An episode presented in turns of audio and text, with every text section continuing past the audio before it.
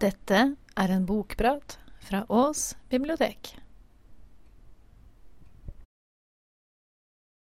Jeg tenkte jeg skulle si at jeg heter Anja fortsatt. Um, og eh, jeg har med meg en bok som heter 'Hold fast', og den er skrevet av Samuel Nessie. Dette er en biografi, uh, og Samuel Nessie han er født i 1992, og han er fra Bergen. Og det er så sånn at um, Jeg vet kanskje ikke om noen har sett det på TV, men uh, Samuel Messi han uh, dro til uh, Antarktis, til McMurdoch-sundet, sammen med Jarle Andøy. Så kaptein på skutene som heter Berserk. Og um, da var jo um, Det var jo sånn at de skulle gå i Roald Amund sine fotspor. 100 år etter Roald Amundsen var der. Og det var jo fem stykker på denne båten som het Berserk. Og Jarle Andøy og Samuel Messi de dro med firehjulinger inn til Sydpolen, der de kom til Horseshoe Bay, som skal være en trygg havn fordi den har fjell rundt hele. Den eneste vinden som kan ta deg, det er fra nordøst. Og det er jo sånn at um, Samuel og Jarle de drar med firehjulene til Sydpolen. Og de tre andre blir igjen. De tre andre heter um, Gisle Bellica, Robert Skånes og Leonard Banks. Gisle og Robert er norske, og Leonard han kommer fra Cape Town i Sør-Afrika. Og um, det er jo så det at alle vet jo at kanskje de er savna, fortsatt savna i dag, og båten er savna. Men dette er ikke bare historien om dem. Dette er en ung gutt som bor i Bergen. Som er 16 år. Som har virkelig problemer på skolen. Lærerne tror ikke på ham. De sier han har dysleksi, og han har konsentrasjonsvanskelig. Og han har også en søvnsykdom, da, sier de da. Og han klarer ikke å være på skolen, for han føler ikke han lærer noen ting. Han skjønner ikke hva læreren sier. Han, han trives ikke i det hele tatt på skolen. Og det betyr at han går det henger i Bergens gater. Og når du er gutt, og det henger i Bergens gater, så kan du komme i kant med loven. Og det gjør han litt òg. Han, eh, han blir aldri tatt av politiet, men han skjønner jo at han har gjort noe gærent. Og han, Samuel han har bare mamma si. Fordi pappaen hans bor i England. og da er det mammaen som kjemper for han. Og hun er usint fordi hun skjønner at gutten er 16 år. Hva skal han bli når han blir stor? Og hun er fortvila, så hun vet ikke hva hun skal stille opp med denne gutten da. Så mammaen, hun sender et brev, eller en søknad, til eh, Friluftsfolkehøgskolen i Nord-Norge, som heter NO69. Og hun skriver at eh, Samuel Messi han er et naturmenneske og lever i naturen og er veldig glad i å være ute.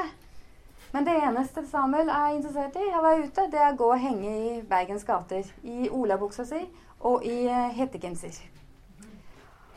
Og um, så skriver mammaen at han er båtvant.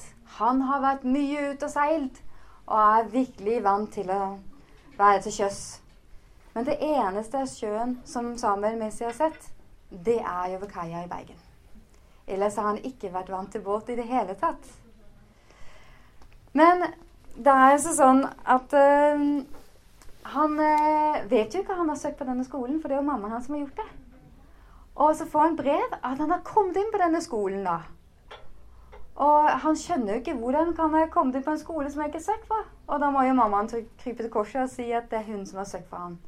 Og hun er fortvila for gutten sin, som ikke vet hva han skal gjøre med livet sitt. Og han blir litt sta. Han tenker 'jeg skal vise alle at jeg kan dette her'. Så han drar i sine olabukser og sine hete genser til Nord-Norge. Og der er det jo litt kjølig. Og han er jo ikke vant til å være ute i naturen, så han får jo virkelig tøff, tøft på denne skolen. Han, men han gir ikke opp. Han tenker 'jeg skal virkelig klare dette her'. Og det ender jo også med at han skal ut på havet. Fordi det er jo det man gjør på denne skolen. Man drar jo til sjøs. Og da de drar ut på, med båten, så er jo Jarle Andøy han er kaptein på denne båten. Og dette er også noe som er filma på NRK, som heter 'Sjøsprøyt'. Så der eh, kan man også se eh, Jarle Andøys eh, første møte med Samuel Messi. Men Samuel han har jo ikke vært til sjøs i det hele tatt, så han er jo så sjøsyk. Han kaster opp over ryggen hele tiden. Han, eh, men han gir seg ikke. Han står ved roret. Han tenker 'nei, jeg skal vise alle at jeg kan'. Og det gjør at alle andre. han ser jo dette. Og så tenker han ja, nei, han her han har jeg lyst til å ha med ned til Antarktis for å gå i Roald Amundsens fotspor. Og det vil Samuel Nesse òg. Det er jo sånn at um, dette er en ung, naiv gutt som uh, skal ta fly og reise alene til Australia. Og bare den turen den vil jeg spare til dere, fordi han er jo så naiv. Og han, han har levd trygt og godt i Norge, og vi bor trygt og godt i Norge. Det er ikke sånn ute i den vide verden. Det er ikke Folk er ikke snille og greie alltid. Og det får jo han oppleve på denne turen. Men den har jeg lyst til å spare til dere. Fordi han har jo noen enkle, naive tanker, så det er veldig morsomt. Men jeg har lyst til å lese litt når, når de drar på tur.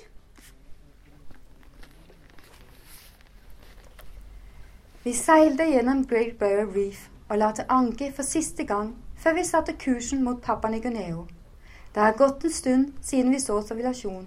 Så langt øyet kan se, er det bare blått hav og stekende sollys. Bortsett fra rett foran oss. Der er den siste øya før reisen ut i det dype Stillehavet virkelig begynner. Ja, de skal jo til Papa Ny-Guinea. Og Samuel han har hørt i Australia at på Papa Ny-Guinea så bor det kannibaler. Det er skumring. Klokken er vel 05.00 vurdert etter mørket. Båten skjærer gjennom nesten flat vann. Seilet er nede, og vi er omringet av jungel på babord og styrbord side. Den er massiv, og jeg tør nok knapt tenke på hva som skjuler seg inni den. Historiene jeg har hørt om dem som bor der, er brutale. Jeg kan ikke se lenger enn 100 meter. Det er tåke. Jarle står på ordet, og Robert sitter i munkelignende stilling fremme på baugen og skuer etter grunne. Lenny sover, og motordudingen lager ekko i jungelen. Vi kjører ikke fort. Hvordan er dybden, Robert? Robert snur seg mot Jarle og viser tegn på at alt ser bra ut. Jeg er fascinert av naturen rundt meg. Den tjukke skogen jeg stirrer mot, skjuler skremmende antall skorpioner, edderkopper, slanger og kannibaler. Jeg er forberedt på å se nok en hammerhai eller en krokodille når som helst. Det er dyrenes rike, men jeg er mest spent på menneskene. Er alle kannibaler? Jeg vet ikke hvordan jeg skal se for meg en kannibal. På dataspillet Might and Magic måtte man passe seg for kannibaler, men de ser nok ikke slik ut. Hva slags kultur har de? Kanskje de kan kun spise de døde? Det er skremmende, den tanken, men samtidig er det interessant. Man finner vel ikke en kultur fjerne fra den norske? Enn et samfunn hvor mennesker spiser mennesker. Frykten for å møte dem blir overstyrt av fascinasjonen, merker jeg. Planen er å fortsette fremover i de fjordlignende landskapet et par dager. Vi kjører tett på land før kommer, for å komme nærme naturen. Robert forlater sin mediterende munkestilling. Han lener seg over rekkverket. Det ser ut som han prøver å zoome inn på noe. Ser du noe spennende, Robert? Det tar tid før han svarer. Og, han gjør, og når han gjør det, er han fremdeles, han fremdeles blikket frestet fremover. Kom her og se, Samuel. Han peker inn i tåken. Inn mot land. Ser du det? Jeg ser kun skog. Ser det ikke ut som det er noe der?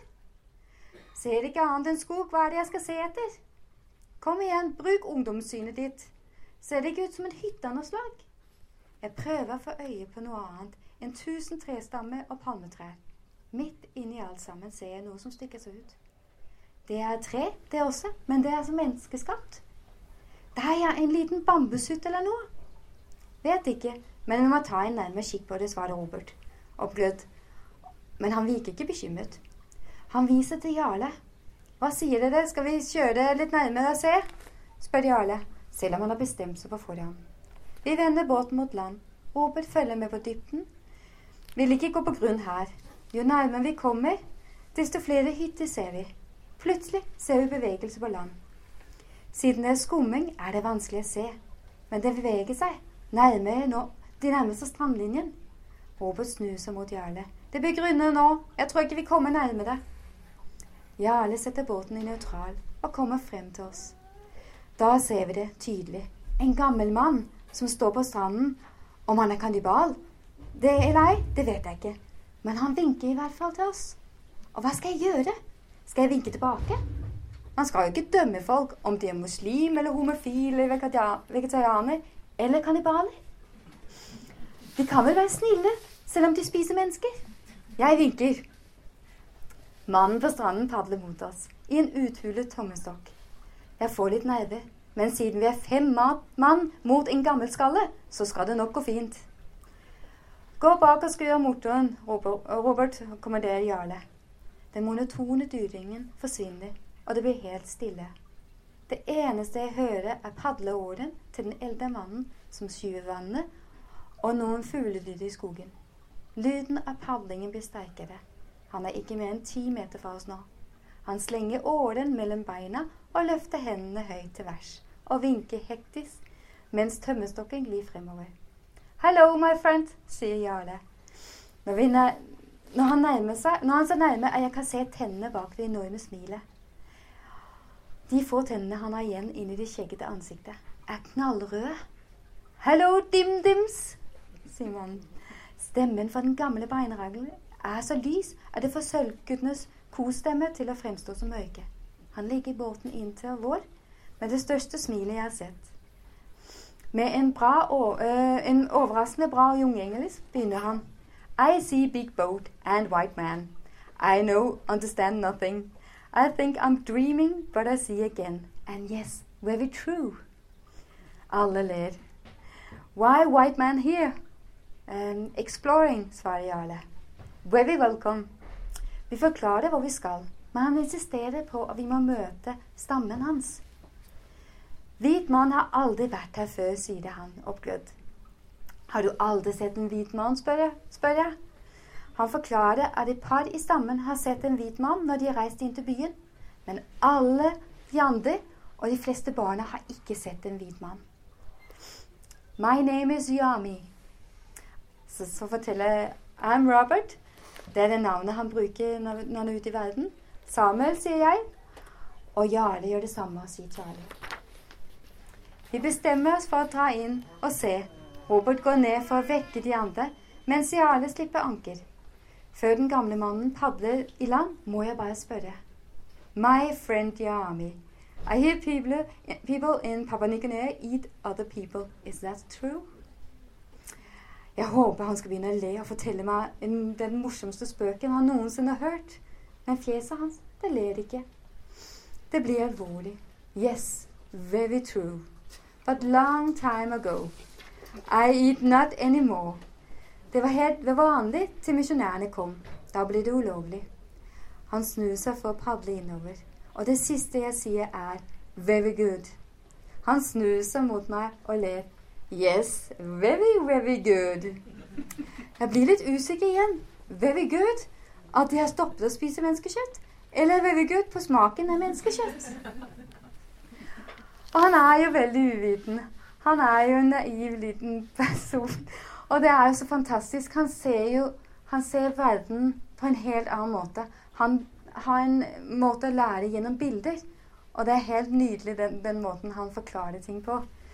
Men jeg har lyst til å fortelle litt om den kvelden som de er i den stammen. Kvelden går mot slutten. Jarle og Robert har dratt til båten. Lenny og jeg vil bli litt til. Vi har forflytta oss til et teppe på stranden.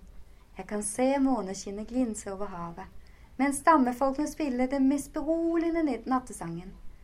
Jeg smiler til Lenny, og han blunker tilbake. For en opplevelse. Jeg ser ned på fanget mitt. Den lille gutten som gråt av redsel da han så meg, ligger nå og sover. Rundt oss ligger både voksne og barn sovende eller døsende til musikken. Allerede etter en dag føler jeg meg som en del av stammen. Jeg gjør som Lenny og de andre og legger meg langflat i den varme sanden. Han har øynene igjen. Om han sover, vet jeg ikke. Jeg lar øynene gli mot månen. Brått blir jeg litt melankolsk. Ser de hjemme opp på samme måne? Nå? Tenk så forskjellig folk lever. Og jeg som trodde det ikke fantes noe interessant utenfor Bergen. Jeg tok nok feil der. Jeg tenker på vennene mine i Norge, alle som lar seg styre av presse for sosiale medier. Hvor verdiene våre er i sosial status på Facebook, hvor mange likes man får for bildene sine, um, hvor mange følger man har. Her ligger jeg og glaner opp på måneskinnet hos en stamme som ikke har noen eh, statusbekreftelse, men likevel er lykkelige. Kanskje lykkeligere. Til og med jeg smiler da jeg ligger i halvsøvne. Gud, så mange timer jeg har brukt på nettet, sløst bort på nettet. Her sløser de ikke med slik. Her lever de. Dette er ekte, og resten, det kjenner de ikke til. Han ser jo verden med en helt ny, helt ny øye. Og han, verdens verdenshans var nok ikke så veldig stor før, før dette. Men det, jo, det høres ut som en koselig tur. Og eh, det blir jo verre. Og um, jeg har litt lyst til å lese litt om bakgrunnen, og at det faktisk er en ulovlig ekspedisjon de drar på. Den er jo ikke godkjent, så, så jeg har litt lyst til å lese når de får høre dette. Samuel, stå opp. Vi skal i skipsmøte. Det er ikke unormalt å bli vekt på de underligste tidspunktene. Om bord i Berserk er man parat hele tiden. Gutta sitter i ring rundt roret. Jarle ser bekymret ut. Han har satellittelefon i hånden. Han lukker den og setter, den, setter seg ned sammen med resten. God morgen, alle sammen. Mannskap svarer god morgen. Jeg har noe jeg må ta opp med dere. Det har seg slik at det finnes lover mot å reise i Antarktis. Polarinstituttet i Norge forventer at vi skal søke dem om tillatelse til å seile ned dit. Derfor opplyser jeg dere om at denne ekspedisjonen ble ikke godkjent, og derfor er ulovlig. Det er faktisk mulig at vi blir straffet for reisen. Det blir stille et par sekunder. Jarle ser veldig alvorlig ut. Jeg vil, vil, så klart at dere ikke drar uten dere, uh, og jeg vil ha dere skal være klar over hver detalj for turen. Men jeg akter å reise, sier Jarle. Men jeg hadde vært bedre hvis dere har lyst til å være med. Jarle ser på mannskapet, Jarle ser på mannskapet sitt. Jeg tar ordet. Det hørtes jo helt idiotisk ut. Er ikke Antarktis et ingenmannsland? Hvordan kan noen ha kontroll over dette? Jo, det stemmer. Det er noe som hendte Antarktistraktaten. I 1959 gikk tolv land sammen for å holde styring der nede. Da ble de enige om at Antarktis var et ingenmannseie, og at ingen eide det. Og at alle som vil, kan drive med forskning der nede. Det blir nok ikke noe problem, for jeg var der for ti år siden. Søkte vi ingen, og da gikk det helt fint, sier Jarle. Takk for informasjonen, sier jeg, og reiser meg. Mest fordi jeg fikk krampe i høyrebenet. Men jeg er med.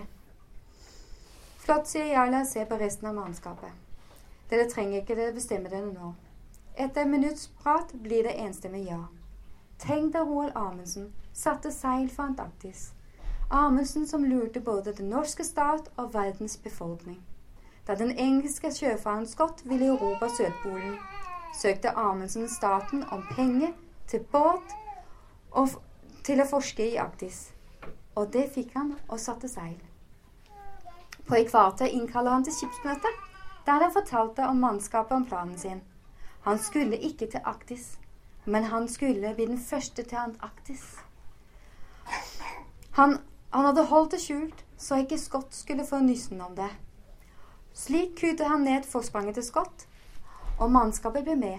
Fra Madeia sendte Amundsen et telegram til Scott hvor han ønsket lykke til, og skrev at vi snakkes på Sydpolen. Tenk å lure en hel verden. Slik får det returnere som en, helg, en held. Et av historiens råeste øyeblikker må være da Roald Amundsen la igjen et brev til Scott da han nådde Sydpolen, og plantet det norske flagget. Tenk deg ansiktsuttrykket til da. Endelig når han Sydpolen, og så får han se et norsk flagg og et brev fra Roald Amundsen. Da føler du deg ikke mye bra. Men brevet var ikke så hånende som folk tror.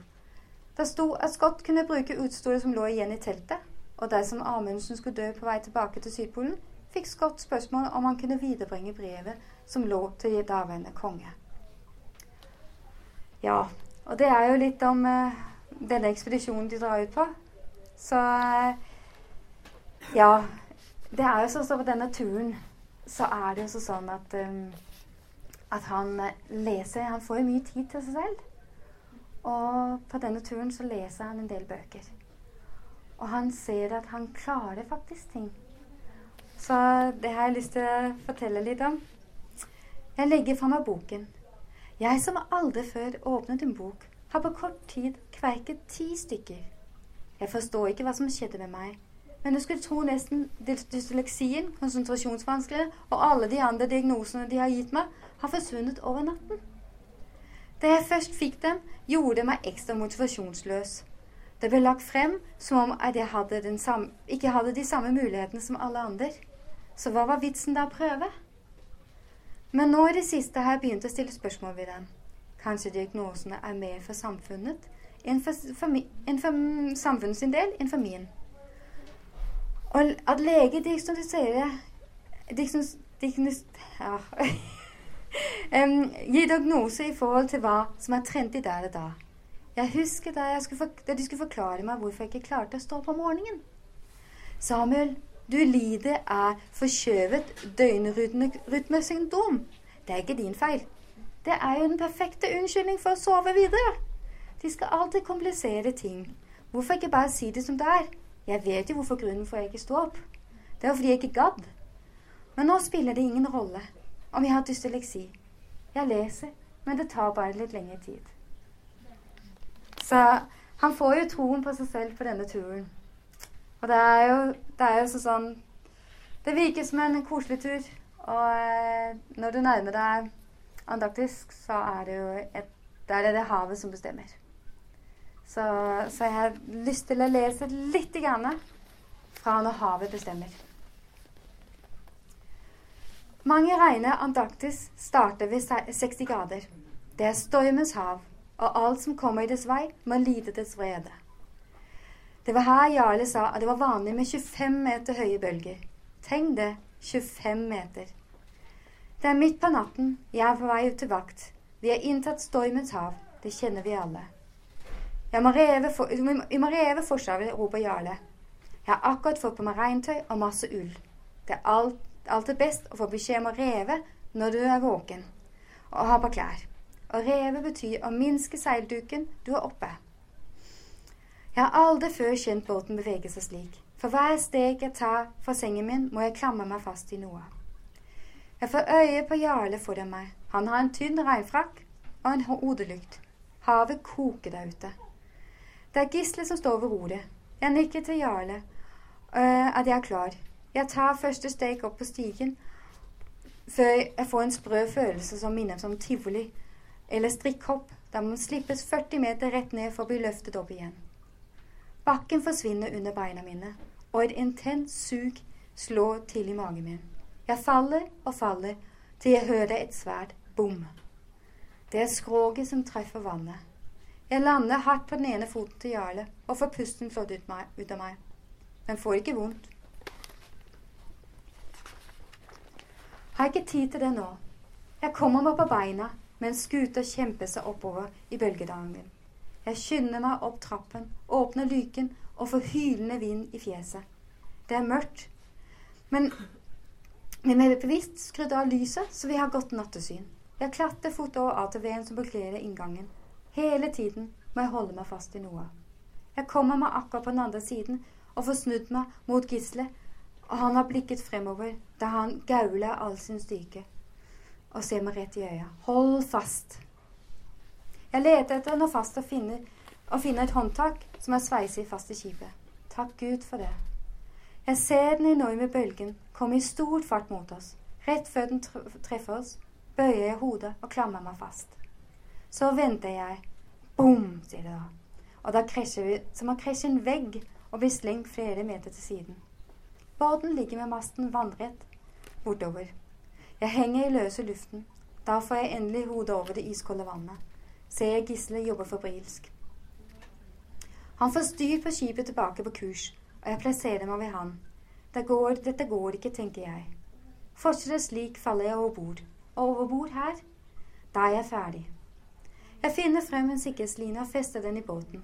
Jeg, Jarle kommer krypende over ATV-en, og jeg gir han en line også. Fy for et vær, roper jeg etter Gisle, men jeg vet ikke om han hører meg. Det er tungt, men jeg må, ha full fokus. Et feiltrinn kan bety slutten. Ikke bare for meg, men for hele mannskapet. Mye ansvar. Da skriker Gisle nok en gang, med bjørnestemmen sin. Hold fast! Jeg får ikke tid til å se hva som kommer, men jeg behøver ikke det. De ordene forteller hva jeg skal bry meg om. En enkel ordre som står mellom liv og død. Hold fast til båten, og til livet, ellers blir du slengt over bord. Jeg klamrer meg fast og kjenner et stort dunk i skroget, og båten kaster til side. Jeg holder meg fast, slik sjøfolk har gjort i århundrer før meg, slik gutter på Fram gjorde for hundre år siden. Alt snus på hodet. Havet faller over meg. Nå prøver det virkelig å få meg til havs, men jeg nekter.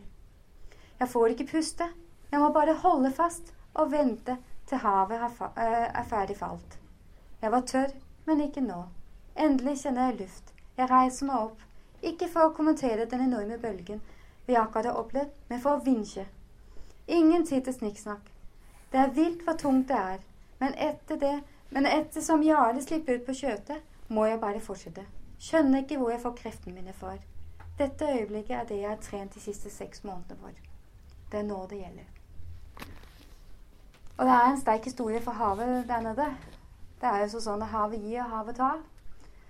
Og øh, det er jo Ja, det er jo hans historie. Dette er bare hans.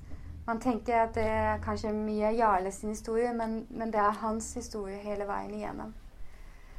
Jeg har spart noen godbiter til dere, for at den, øh, den følelsen når de, de hører at øh, båten er forsvunnet, og de er på vei til Sydpolen og de sitter på ATV-en.